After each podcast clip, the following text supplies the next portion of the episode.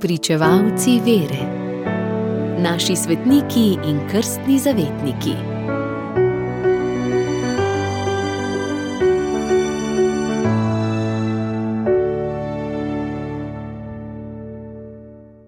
Z današnjim godovnjakom se ustavljamo v največji nemški deželi, na Bavarskem. Ta šteje danes več kot 12 milijonov in pol prebivalcev, toličanov. Škof v Regensburgu, na Bavarskem, je bil današnji godovnjak, sveti Wolfgang, Bolfang, umrl je leta 994. Bavarska je bila pokristijanjena proti koncu 7. stoletja. Njeni glavni apostoli so bili sveti Rupert, sveti Emeran in sveti Korbinjan, ki so osnovali cerkvene pokrajine v Salzburgu, Freisingu in Regensburgu. Med znamenite škofe na Bavarskem sodi tudi današnji godovnjak, nemško Wolfgang, sicer pa Wolfgang, Bolfeng, ime označuje tistega, ki hodi kakor volk. Wolfgang se je rodil okoli leta 924 na Švabskem kot sin srednje premožnih staršev svobodnega rodu. Bil je zelo bister otrok in tako je iz domače družine prišel v tedaj slovečo samostansko šolo Reichenau, kjer si je zaradi nadarjenosti, skromnosti in resnobe pridobil naklonjenost vseh. Z te šole je prešel v stolniško šolo v Würzburgu, kjer je bil tudi eden najbolj nadarjenih učencev, vendar je vedno bolj kazal na to, da se umakne v samoto meniškega življenja. Usojena mu je bila drugačna pot.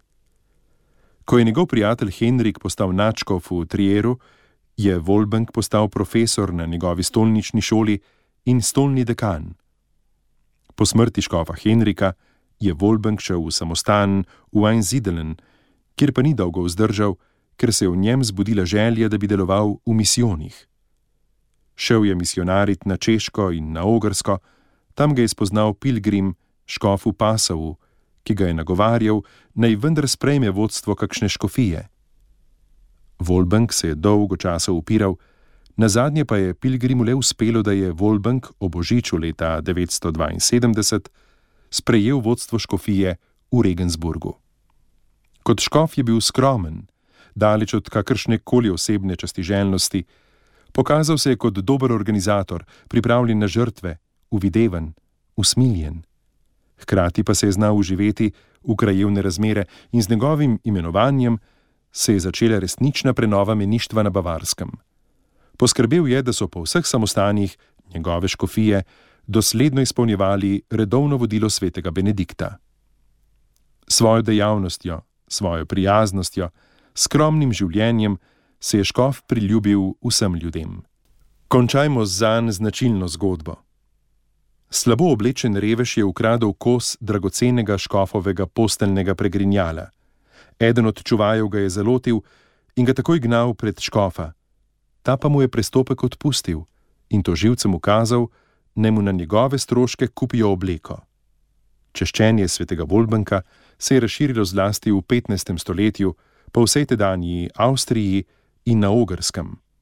Za svojega patrona ga česte rezbarji, pastirji, drvarji, oglarji, ladjarji, po krivici zaprti, je priprošnik proti očesnim boleznim, krvavitvam, boleznim nog, neplodnosti.